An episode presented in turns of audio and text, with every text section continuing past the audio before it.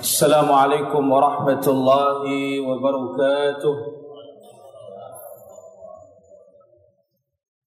إن الحمد لله نحمده ونستعينه ونستغفره ونعوذ بالله من شرور أنفسنا ومن سيئات أعمالنا. من يهده الله فلا مضل له ومن يضلل فلا هادي له. أشهد أن لا إله إلا الله وحده لا شريك له وأشهد أن محمدا عبده ورسوله. يا أيها الذين آمنوا اتقوا الله حق تقاته ولا تموتن إلا وأنتم مسلمون. يا أيها الناس اتقوا ربكم الذي خلقكم من نفس واحدة وخلق منها زوجها وبث منهما رجالا كثيرا ونساء. واتقوا الله الذي تساءلون به والأرحام إن الله كان عليكم رقيبا. يا أيها الذين آمنوا اتقوا الله وقولوا قولا سديدا. يصلح لكم أعمالكم ويغفر لكم ذنوبكم. ومن يطع الله ورسوله فقد فاز فوزا عظيما. أما بعد فإن أصدق الحديث كتاب الله.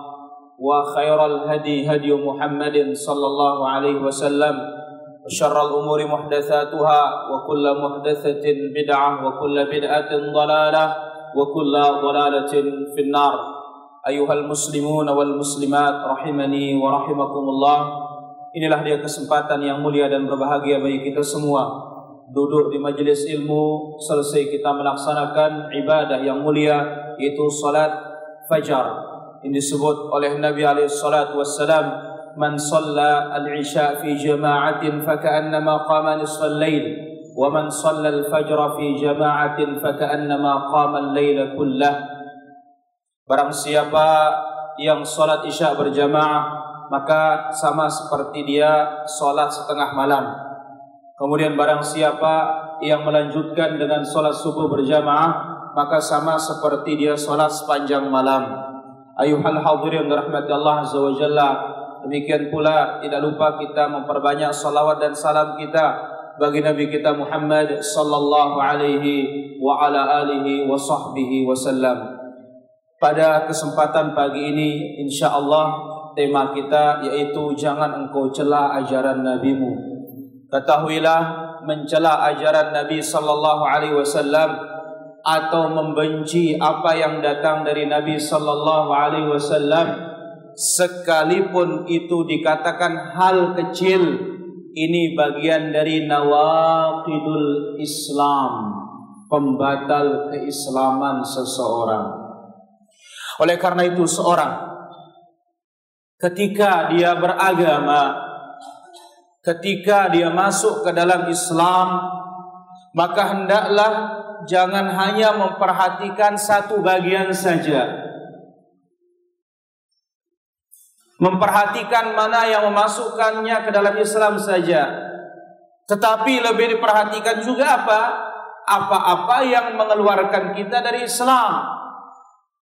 Sebab sebagaimana seorang mempelajari apa syarat sah wudu, apa syarat sah salat, maka juga kita perlu pelajari apa pula yang membatalkan salat tersebut, apa pula yang membatalkan wudu tersebut. Karena hukum itu akan terbangun idza tahaqqaqatis syurut wa intafatil mawani'. Syarat-syarat terpenuhi, penghalang-penghalang sudah tidak ada. Baik. Poin ini kita akan ambil dari syarah kitab Nawaqidul Islam yaitu An-Naqidul Khamis pembatal yang kelima yaqulu Al-Imam Muhammad At-Tamimi rahimahullah taala man abghada syai'an mimma jaa bihi ar-rasul sallallahu alaihi wasallam walau amila bihi kafar Beliau rahimahullah taala berkata, barang siapa yang membenci sesuatu yang telah dibawa oleh Rasulullah sallallahu alaihi wasallam. Membenci sedikit saja apa yang dibawa oleh Rasul sallallahu alaihi wasallam meskipun dia amalkan ini apa? Dia bisa keluar dari Islam. Tapi ingat perhatikan ya, ini hukum umum. Hukum umum sama kaidahnya seperti ancaman umum. Tidak mesti langsung dijatuhkan kepada person, dijatuhkan kepada perorangan. Karena kalau menghukumi perorangan ini membutuhkan apa? Lengkapi syaratnya, hilangkan penghalang-penghalangnya. Baik. Penjelasannya Man abghadha syai'an mimma ja'a bihi Rasul walau amila bihi kafar wad dalilu qauluhu ta'ala. Tentu dalilnya mana? Karena ingat istimewanya Islam, istimewanya petunjuk Nabi sallallahu alaihi wasallam, istimewanya dakwah salafiyah, dakwahnya ahlu sunnah wal jamaah dalil. Dan kaidah mereka apa? Istadil thumma taqid. Dalil dulu baru ambil kesimpulan. Jangan buat kesimpulan baru carikan dalil. Karena apa? Ahlul kalam mereka i'taqid thumma istadil. Yakini dulu baru buat dalil. Kalau yakin dulu baru carikan dalil, gampang cari dalil. Yang penting cocok-cocok kelihatannya bisa ditempel, copy paste. Ya. Adapun kalau prinsip yang benar yang datang dari Nabi Shallallahu Alaihi Wasallam dalil dulu. Baru dalil dari dalil itu kita mengambil kesimpulan sehingga tidak akan keluar dari teks hadis maupun konteks hadis tersebut. Baik, apa kata Allah Azza wa Jalla dalam surat Muhammad ayat yang ke-9. Dzalika bi karihu ma anzalallahu fa ahbata a'malahum mereka karihu ma anzalallah membenci apa yang Allah Subhanahu wa taala turunkan. Membenci apa yang Allah Subhanahu wa taala turunkan. Yang diturunkan adalah apa? Wahyu, Al-Qur'an, kemudian hadis-hadis Rasulullah sallallahu alaihi wasallam. Mereka benci terhadap apa yang diturunkan oleh Allah Azza wa Jalla kepada Rasulnya fa'ahbata a'malahum maka Allah Subhanahu wa taala hancurkan amalan mereka. Lebur amalannya, terhapus amalannya. Baik. Ay abtalaha fadalla ala anna bughdha syai'in mimma jaa bihi Rasul sallallahu alaihi wasallam. Ayat ini menunjukkan bahwasanya membenci apa saja yang datang dari Rasul sallallahu alaihi wasallam riddatun anil Islam ini adalah mengeluarkan seseorang dari Islam wa annahu yuhbitul amal sekaligus menghapus amal ibadah kita. Maka ingat, rukun ibadah ada tiga.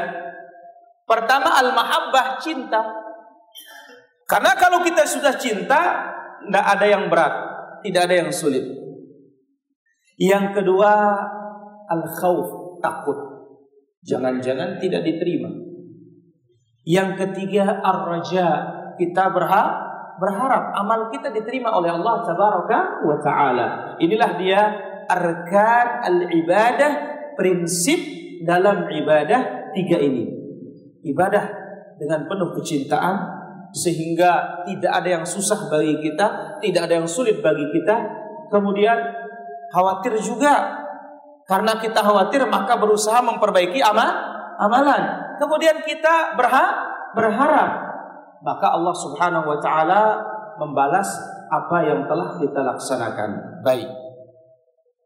Wa dzalika anna usulul iman wa arkanuhu. Karena ketahuilah dasar iman, rukun iman kita ketahui ada berapa? 6. Antuk minabillah iman kepada Allah. Kemudian wa malaikatihi wa kutubihi wa rusulihi wa bil yaumil akhir wa bil qadari khairihi wa syarrih. Faman naqasa syai'an minha lam yakun mu'minan. Kurang saja satu dari yang enam ini belum dikatakan beriman. Wal muradu bi qawlih makna dari firman Allah Azza wa Jalla surat Muhammad ayat yang ke-9 karihu ma anzalallah membenci apa yang Allah Subhanahu wa taala turunkan yashmalul Quran. Yang diturunkan oleh Allah yang paling besar adalah apa? Al-Quran. Wa yashmalus sunnah. Kemudian juga yang diturunkan oleh Allah Subhanahu wa taala adalah as-sunnah atau ha hadis.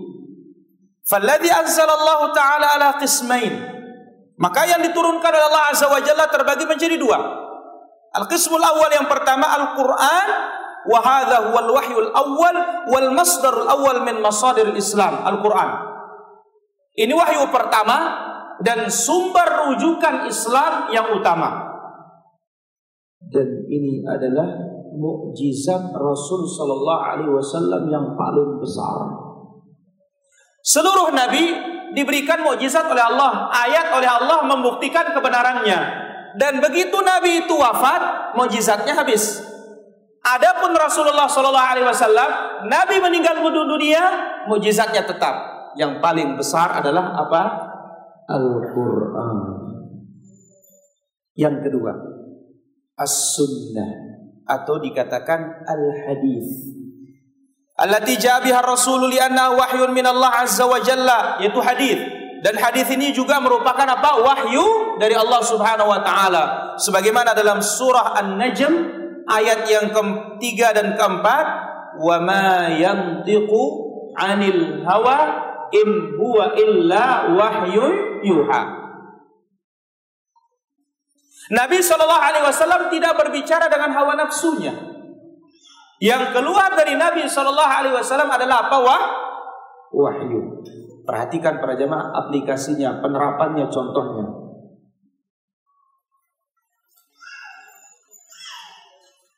Pernah Nabi Shallallahu Alaihi Wasallam melewati sahabatnya dalam Sahih Muslim. Sahabatnya sedang mengawin kurma kurma mesti dikawin silang. Ya, shimrikhnya yaitu bunganya. Pejantan dikawin dengan beti, betina baru menghasilkan buah yang bagus. Dan ini dalam bahasa Arabnya dikatakan at-ta'bir. Ya, ta'bir wa pengawinan. Maka Nabi Shallallahu Alaihi Wasallam begitu melihat sahabatnya mengawinkan, apa kata Nabi Alaihi Wasallam? Tidak usah dikawinkan kata Nabi.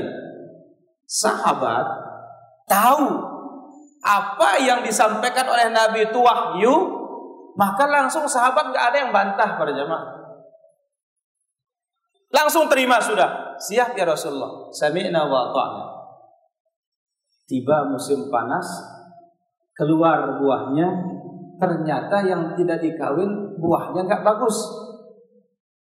Akhirnya sahabat ditanya lagi oleh Nabi Alaihissalam, mana buahnya ini? Ya Rasulullah, bukankah engkau yang melarang kami untuk mengawinkannya? Langsung di sini Nabi mengatakan apa?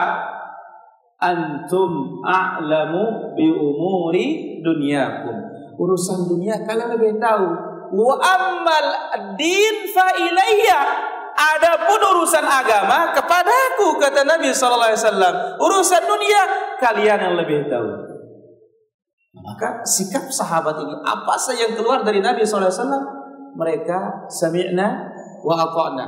Terserah nanti apakah Nabi itu ada wahyu dari Allah Azza wa Jalla atau memang itu ijtihadnya na Nabi, idenya Rasulullah sallallahu alaihi wasallam. Contoh lain ketika Nabi Alaihissalam perang Badar.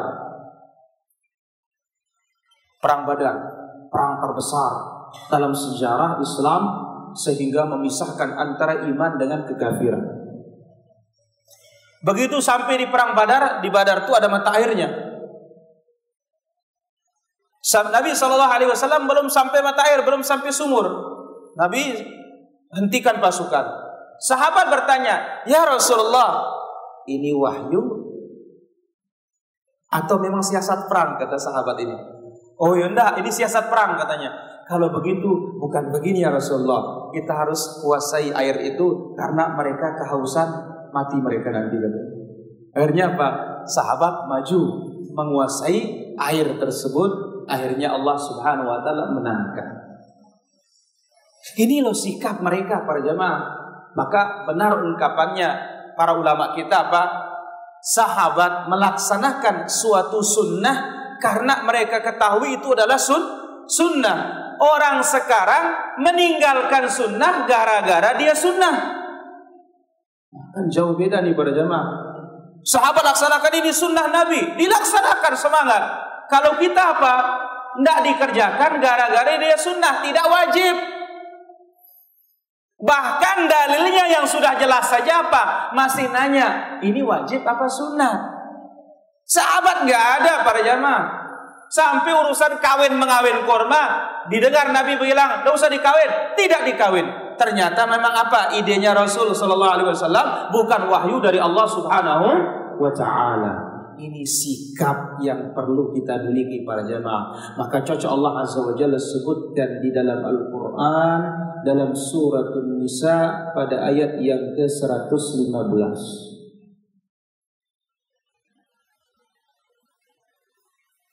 Disebutkan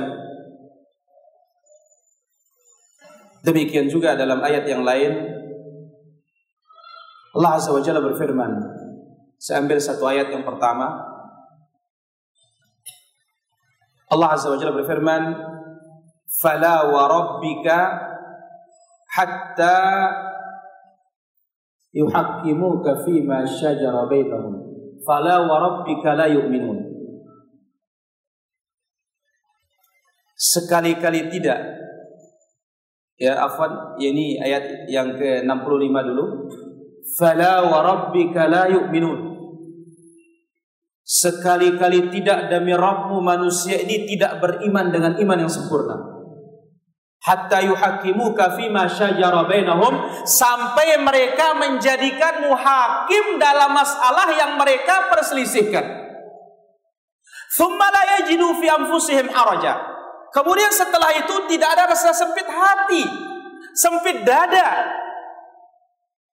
Mimma qadaita terhadap apa yang telah kamu putuskan wa yusallimu taslima dan mereka menerima dengan sepenuhnya dengan penuh lapang dada. Ini sikap orang beriman. Nabi yang menjadi hakim kita ketika ada keputusan dari Nabi Shallallahu Alaihi Wasallam, sami'na wa Baik. Kemudian dalam ayat yang lain bahwasanya sunnah itu adalah wahyu juga dari Allah Azza wa Jalla. Wa ma atakumur rasulu fakhudhuhu wa ma nahakum anhu fantahu. Dalam suratul hasyr ayat yang ketujuh apa yang dibawakan kalian oleh Rasul sallallahu alaihi wasallam ambil. Dan apa yang dilarang oleh Rasul sallallahu alaihi wasallam tinggalkan maka dari sini para ulama kita mengatakan apa bahwasanya hadis itu mendatangkan hukum lebih dari apa yang didatangkan oleh Al-Quran. Jadi hukum dalam hadis lebih dari apa yang ada dalam Al-Quran. Tapi ingat, ketika mengamalkan hadis sekaligus kita mengamalkan Al-Quran. Karena Quran mengatakan suratul Hasyr ayat yang ketujuh, apa yang dibawakan kalian oleh Rasul ambil sekalipun tidak ada dalam Al-Quran. Taib mana contohnya yang tidak ada dalam Al-Quran?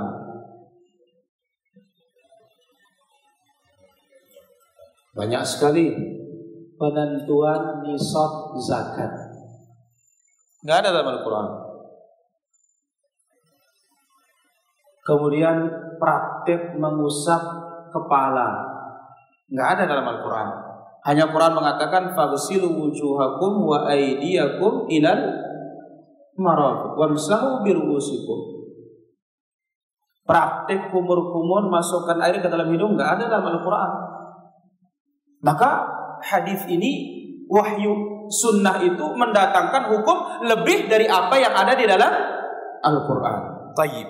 Kemudian famahabbatullah azza wa jalla mencintai Allah azza wa jalla dan mencintai apa yang diturunkan oleh Allah ini merupakan anu min a'zam anwa'il ibadat.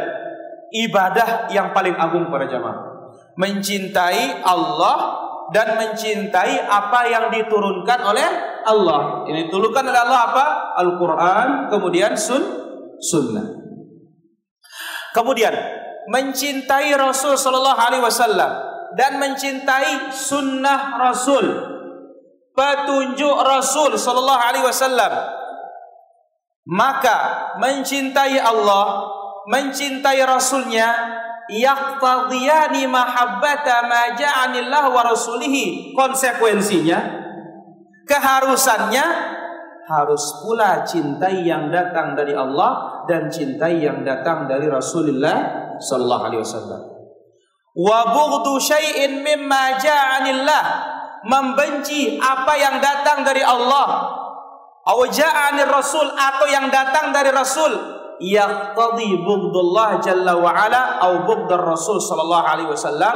Berarti kita membenci Allah dan membenci Rasulullah sallallahu alaihi wasallam. Fahadhihi riddatun. Ini adalah kemurtadan wa kufrun billah dan kufur kepada Allah subhanahu wa taala maka harus cinta pada jamaah Lihat bagaimana kecintaan para sahabat terhadap Nabi Shallallahu Alaihi Wasallam, terhadap cara-cara Nabi, sunnah-sunnah Nabi Shallallahu Alaihi Wasallam. Tidak ada satupun mereka yang benci, apalagi mencemooh, apalagi mencela. Seperti yang terjadi di zaman sekarang ini, waliyadzubillah.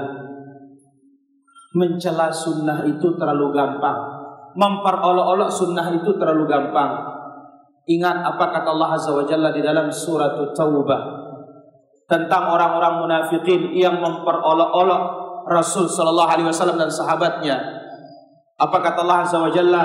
Qul abillahi wa ayatihi wa rasulihi kuntum tastahzi'un Katakanlah ya Muhammad kepada mereka orang munafikin ini, apakah dengan Allah, ayat-ayatnya, rasul-rasulnya kalian memperolok-olok? La ta'tadiru qad kafartum ba'da imanikum. Jangan cari alasan, sungguh kalian telah keluar dari Islam setelah kalian beriman. Mereka ini hanya ngomong tiga kalimat doang. Apa kalimatnya? Ma ra'aina arghabuna butunan wa akdzabuna alsinatan wa ajbanuna indal liqa. Sungguh kata mereka, kami melihat tukang-tukang hafal Quran kita ini orang paling rakus. Yang dimaksud rakus Nabi dan sahabat. Orang paling bohong Nabi dan sahabatnya. Orang paling pengecut waktu bertemu dengan musuh Nabi dan sahabatnya Gara-gara omongan ini langsung Allah Azza wa Jalla turunkan ayat yang menyatakan kekufuran mereka. Sampai mereka setelah mau dilaporkan oleh salah seorang sahabat ternyata wahyu duluan turun. Akhirnya datang mereka minta maaf ke Nabi Shallallahu Alaihi Wasallam sambil memegang tali onta Nabi. Mereka mengatakan, Ya Rasulullah, Innaha hadis rakbin naqta'u bihi sayr. Ini kita hanya bercanda-canda saja Rasulullah. Kita ngobrol-ngobrol aja supaya apa? Supaya tidak lelah jalan dari Tabuk sampai Madinah. Apa kata Nabi sallallahu alaihi wasallam? La ta'tadiru. Jangan cari alasan. Qad kafartum ba'da imanikum. Kalian telah kafir setelah kalian beriman. Bahaya para jamaah membenci apa yang datang dari Nabi Shallallahu Alaihi Wasallam, memperolok-olok apa yang datang dari Rasulullah Shallallahu Alaihi Wasallam. Sekalipun kita mengamalkan, tapi kita nggak suka, terpaksa kita melaksanakan, tidak boleh. Maka benar-benar mengikuti ajaran Allah dan Rasulnya dengan apa? Sepenuh hati dengan ketundukan jiwa kita. Kemudian, fal wajibu 'alal muslimi an yuhibba ma ja'anillah minal Qur'an kewajiban seorang muslim mencintai apa yang datang dari Allah berupa Al-Qur'an. Wa yuhib ma rasul dan mencintai apa yang datang dari Rasul sallallahu alaihi wasallam minas sunnah berupa sunnahnya.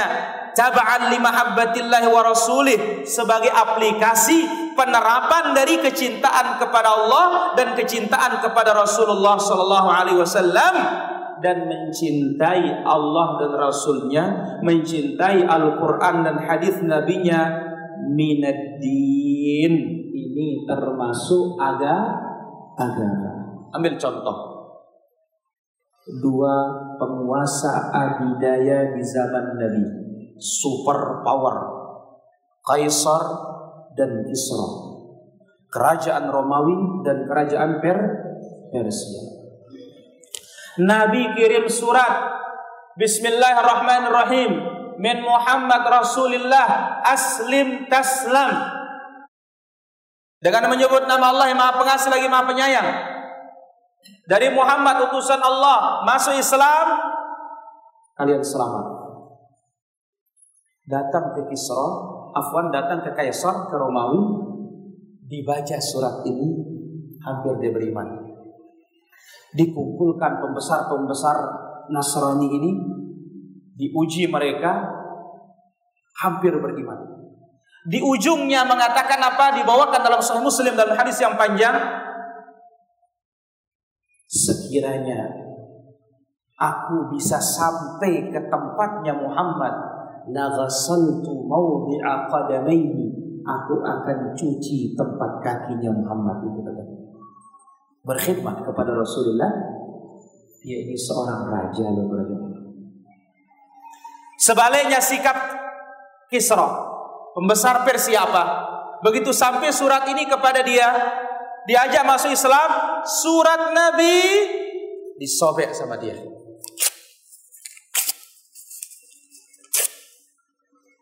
Apa yang terjadi sampai berita ke Nabi Sallallahu Alaihi Wasallam? Apa Nabi katakan? mazzaqallahu mulkahu Allah Subhanahu wa taala cabik-cabik hancur leburkan kerajaannya Subhanallah selang semalam anaknya yang bunuh dia maka Nabi Shallallahu Alaihi Wasallam mengatakan apa? Idza halaka Kisra, fala Kisra ba'dahu. Kalau sudah hancur Kisra itu, binasa meninggal dunia, sudah nggak bakalan bisa lagi lahir imperialis Persia ini nggak bakalan para jamaah. Maka sekuatnya negara Iran sekarang ingin bangun kekuatan di Timur Tengah, nggak bakalan. Maka lihat, di Yaman proyeknya gagal. Di Suriah proyeknya gagal. Di Irak juga akan gagal para jamaah. Gagal semua. Kenapa? Moyangnya yang pertama itu sudah merobek-robek suratnya Nabi tidak ada penghormatan terhadap suratnya Rasul. Suratnya Rasul ini kalau istilah sekarangnya keramat. Sakti para jamaah. Jangan coba-coba. Beda sikapnya Kaisar Romawi dihormati surat Nabi maka apa? Kerajaannya masih Terus turun temurun. Sampai Nabi Shallallahu Alaihi Wasallam mengatakan, ya, ta'ti al qiyamah warrumu aktsarun nas yawma idzin. Kiamat tiba, orang Romawi ini yang manusia paling banyak di saat itu. Ya Eropa sekarang ini pada jemaah, termasuk Italia ini. Ya kenapa mereka punya sifat itu orangnya jalan, sabar tekun. Nah beda apa yang terjadi pada Kaisar dengan yang terjadi pada Kis Kisra. Ini hanya surat. Lain kalau kita melihat bagaimana sikap orang-orang di sekeliling Nabi Shallallahu Alaihi Wasallam. Ada seorang yang diperintahkan yang sedang makan pakai tangan kiri. Ya fulan, tolong makan pakai tangan kananmu, minum pakai tangan kananmu. Apa jawabannya? Sombong aku nggak bisa. Padahal belum dicoba. Akhirnya langsung Nabi mengatakan, Las tata'ta. Mudahan kamu tidak bisa. Langsung seteruk. Ini yang seteruk. Kita nggak bisa sudah. Dan betapa banyak. Maka di sini apa? Kewajiban seorang muslim ta'zim, mengagungkan dan tauqir menghormati apa yang datang dari Allah dan apa yang datang dari Rasulullah sallallahu alaihi wasallam. Kemudian poin berikutnya. Falladzina yubghiduna ma anzalallahu azza wa jalla ala fariqain. Yang membenci apa yang Allah Subhanahu wa taala turunkan ada dua kelompok. Al-fariqul awal al-kuffar al-kuffarul asliyun wa hadhihi maqalatuhum. Kelompok pertama orang-orang kafir asli ini yang membenci yang datang dari Allah dan yang datang dari Rasulullah sallallahu alaihi wasallam. Al-fariqus tsani, kelompok yang kedua, alladzina yad'un al-islam wa humul munafiqun. Mereka mengaku dirinya Islam tetapi mereka hakikatnya adalah munafik. Ammal mu'minun adapun orang-orang beriman fa innahum yuhibbuna ma ja'anillah wa rasulihi mereka mencintai apa yang datang dari Allah dan mencintai apa yang datang dari Rasulullah sallallahu alaihi wasallam. Ambil contoh surat An-Nur ayat 51. Innama kana qaulul mu'minin idza du'u ila Allah wa rasulihi liyahkuma bainahum an yaqulu sami'na wa ata'na wa ulaika humul muflihun. Orang-orang beriman itu sikapnya kalau diajak kepada Allah Quran, diajak kepada Rasul sunnahnya, mereka untuk menghukumi masalah yang mereka perselisihkan, mereka mengatakan apa? Kami dengar dan kami taat. Itulah orang-orang yang beruntung. Maka oleh karena itu para jemaah keberuntungan ini ada pada mengikuti apa yang datang dari Allah dan apa yang datang dari Rasulullah Sallallahu Alaihi Wasallam. Sampai Nabi mengatakan dalam hadisnya laqad ji'tukum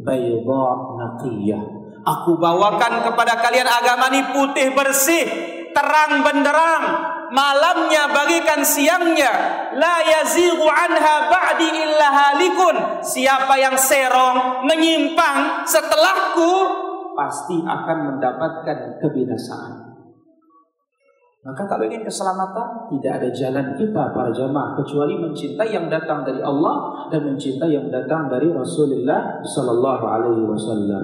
Saya tutup dengan ucapan yang dibawakan kepada Umar bin Abdul Aziz yang dibawakan oleh Imam Abu Khaythamah dalam kitabnya Kitabul Ilm. Ughdu aliman. Jadilah engkau orang berilmu. Fa illam tastati' fa. Kalau tidak bisa maka belajar. Fa illam tastati' fa.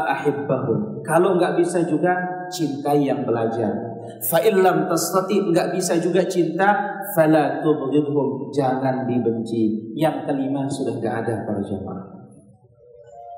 Silahkan berilmu, kalau enggak bisa bela belajar. Enggak bisa belajar, cinta.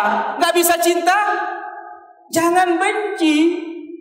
Kalau sudah itu sudah tidak ada jalan sudah. Baik para hadirin inilah dia yang bisa kita ambil pada kesempatan pagi yang mulia ini Semoga apa yang kita ambil bermanfaat. Ada beberapa menit bagi kita untuk soal jawab. Semoga bermanfaat. Wassalamualaikum warahmatullahi Muhammad wa ala alihi wasallam. Walhamdulillahi rabbil alamin. Silakan ada pertanyaan. Ya. Jika masalah depan kita dapat belajar tidak untuk katakan orang yang menjadi sunnah seperti kita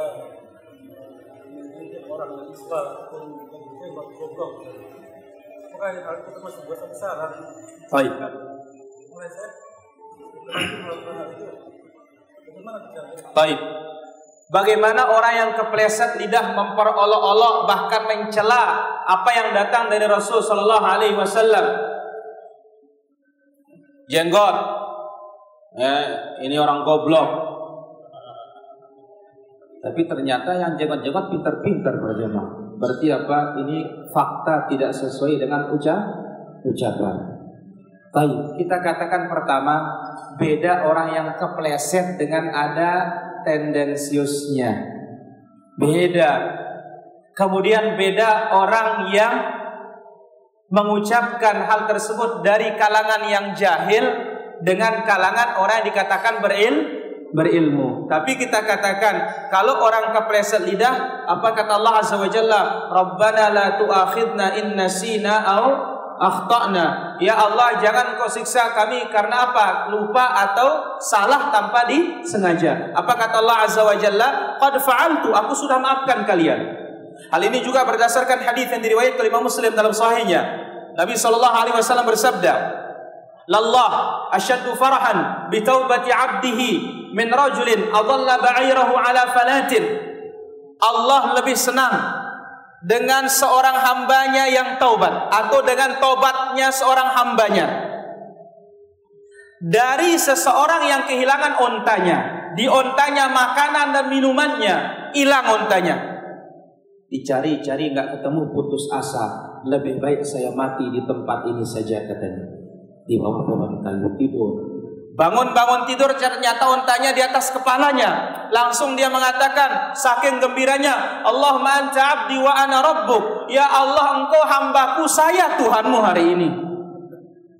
Apa kata Nabi? Akhta'a min syiddatil farah. Dia salah saking senang senangnya. Ini enggak kafir ini para jemaah. Tapi sekarang kalau dengan ilmu dia mengatakan demikian memperolok-olok yang datang dari Allah Azza wa Jalla, memperolok yang datang dari Nabi, hatta main-main ini riddah, ini kemurtadan loh para jemaah. Hati-hati para jemaah. Ya, hati-hati. Kita harus waspada. Karena yang nama yang datang dari Allah dan dari Nabi ini tidak dibedakan dia perkara kecil maupun perkara besar. Ya, ada seorang bertanya kepada Imam Malik rahimahullah taala. Sekian pertanyaan lalu dikatakan Imam Malik kebanyakan menjawab apa? La adri, enggak tahu, enggak tahu, enggak tahu, enggak tahu. Orang ini ribut mengatakan apa? Eh, jauh-jauh saya datang kenapa jawabannya enggak tahu, enggak tahu semua Ini kan pertanyaan ringan. Apa jawaban beliau? Yang namanya urusan agama enggak ada yang ringan. Allah Azza wa Jalla berfirman di dalam suratul Muzammil, "Inna sanulqi 'alaika qawlan thaqila." Kami akan berikan kepada Muhammad perkataan yang berat. Ambil contoh, Nabi bersabda, "Kalimatani khafifatani fil lisan, thaqilatani fil mizan, habibatani ila rahman subhanallah bihamdihi subhanallahil azim." Dua kalimat ringan di lidah berat di timbangan, dicintai oleh yang maha pengasih. Itu apa? Subhanallah wa bihamdi subhanallahil azim. Allah taala ala wa ala. Naam, ada lagi?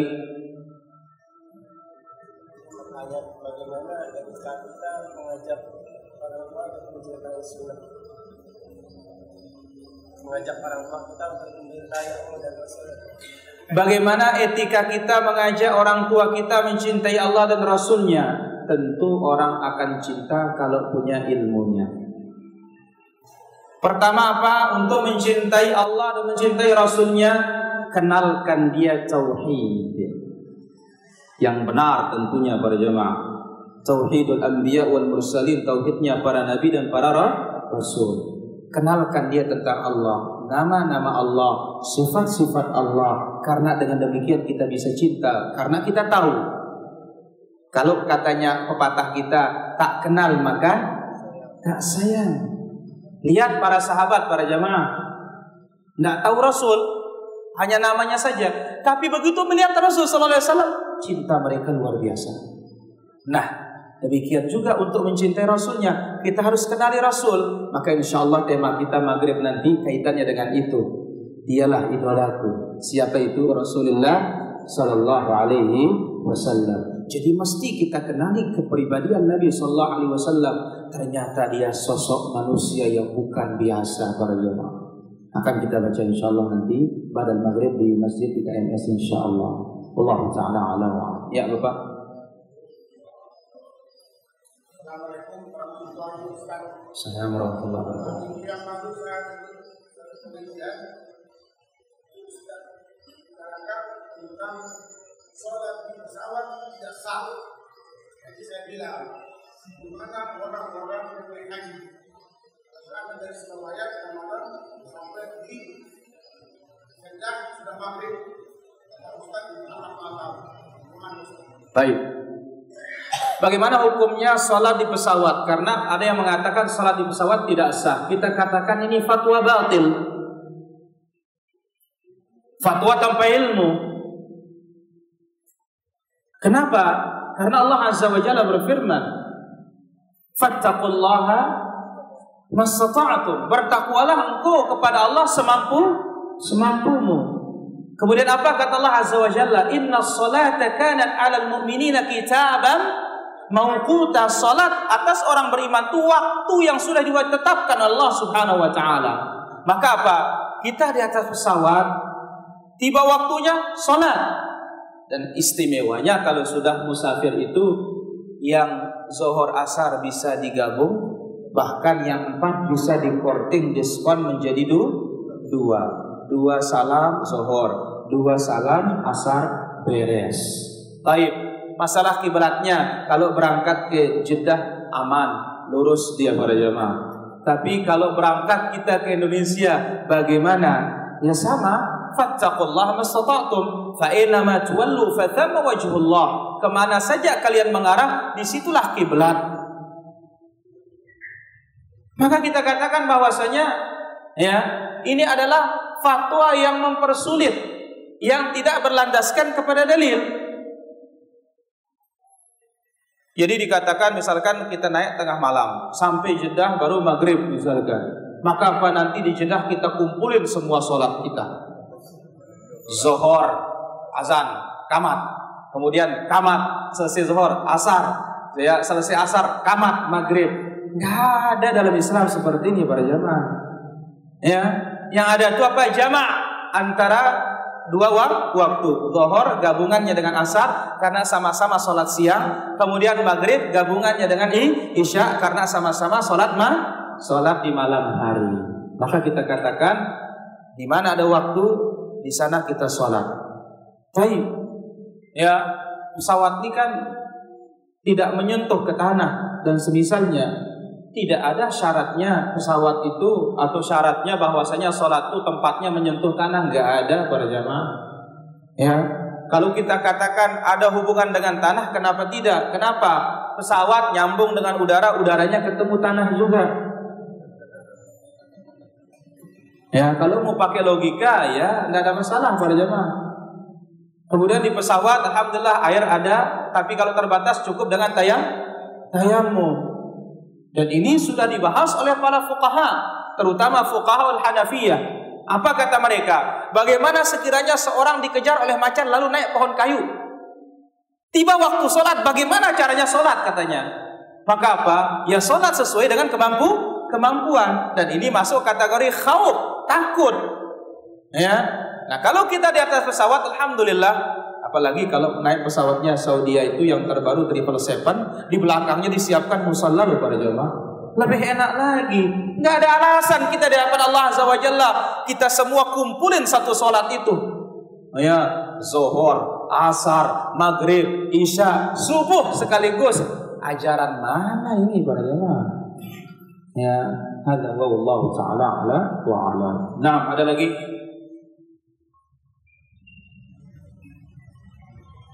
Ada lagi? Ya. Bagaimana kita mengetahui sunnah yang sebenarnya? Soalnya ajaran sesat ilaha illallah. Bagaimana kita mengetahui sunnah yang sebenarnya? Karena yang sesat pun dia pakai dalil. Kita katakan bahwasanya tidak semua orang berdalil itu tepat meletakkan dalil. Dan di sinilah dia pentingnya apa? Tatbiqul adillah, peletakan dalil tersebut. Dan di sini pentingnya apa? Belajar. Ilmu. Dan menimba ilmu ini harus benar. Sebagaimana dikatakan oleh Muhammad bin Sirin. Dibawakan dalam Muqaddimah Sahih Muslim. Apa kata beliau? Inna hadzal ilma din. Ilmu ini agama. Fanzuru amman ta'khuduna dinakum. Lihat dari mana kalian mengambil agama kalian. Ketahuilah yang menyimpang betul pakai dalil tetapi perlu dikoreksi. Dalilnya pertama sahih apa tidak? Satu. Yang kedua, pemahaman terhadap dalil itu sudah benar apa tidak?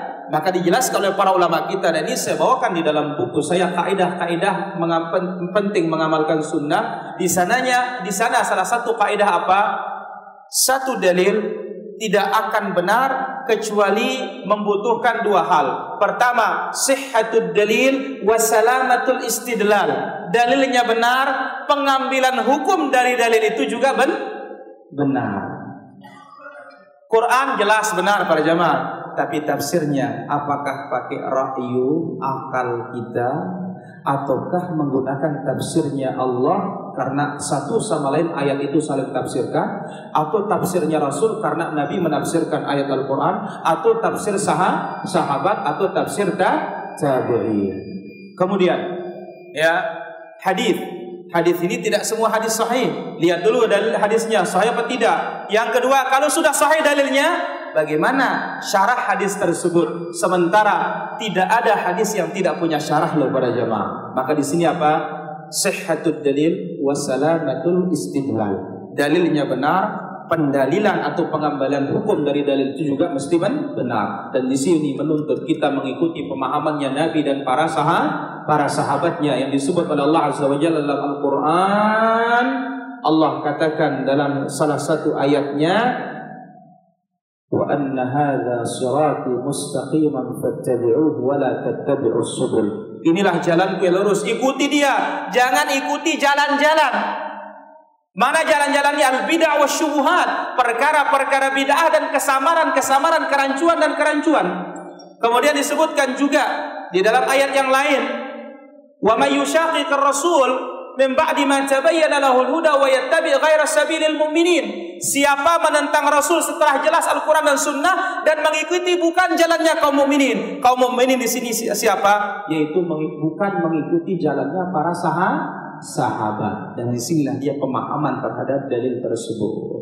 Hadza Allah taala ala demikian para jamaah kajian kita pada kesempatan pagi ini insyaallah kita lanjutkan nanti malam ba'dal maghrib insyaallah semoga bermanfaat Mohon maaf atas segala kekurangan dan kami ucapkan bagi takmir di masjid ini jazakumullah khairan atas kesempatan yang telah kita, diberikan kepada kita semua dan sebelum kita pulang tentunya kita dapat sholat dua rakaat dan ini adalah kita bagi mendapatkan pahala haji dan umrah yang sempurna sempurna.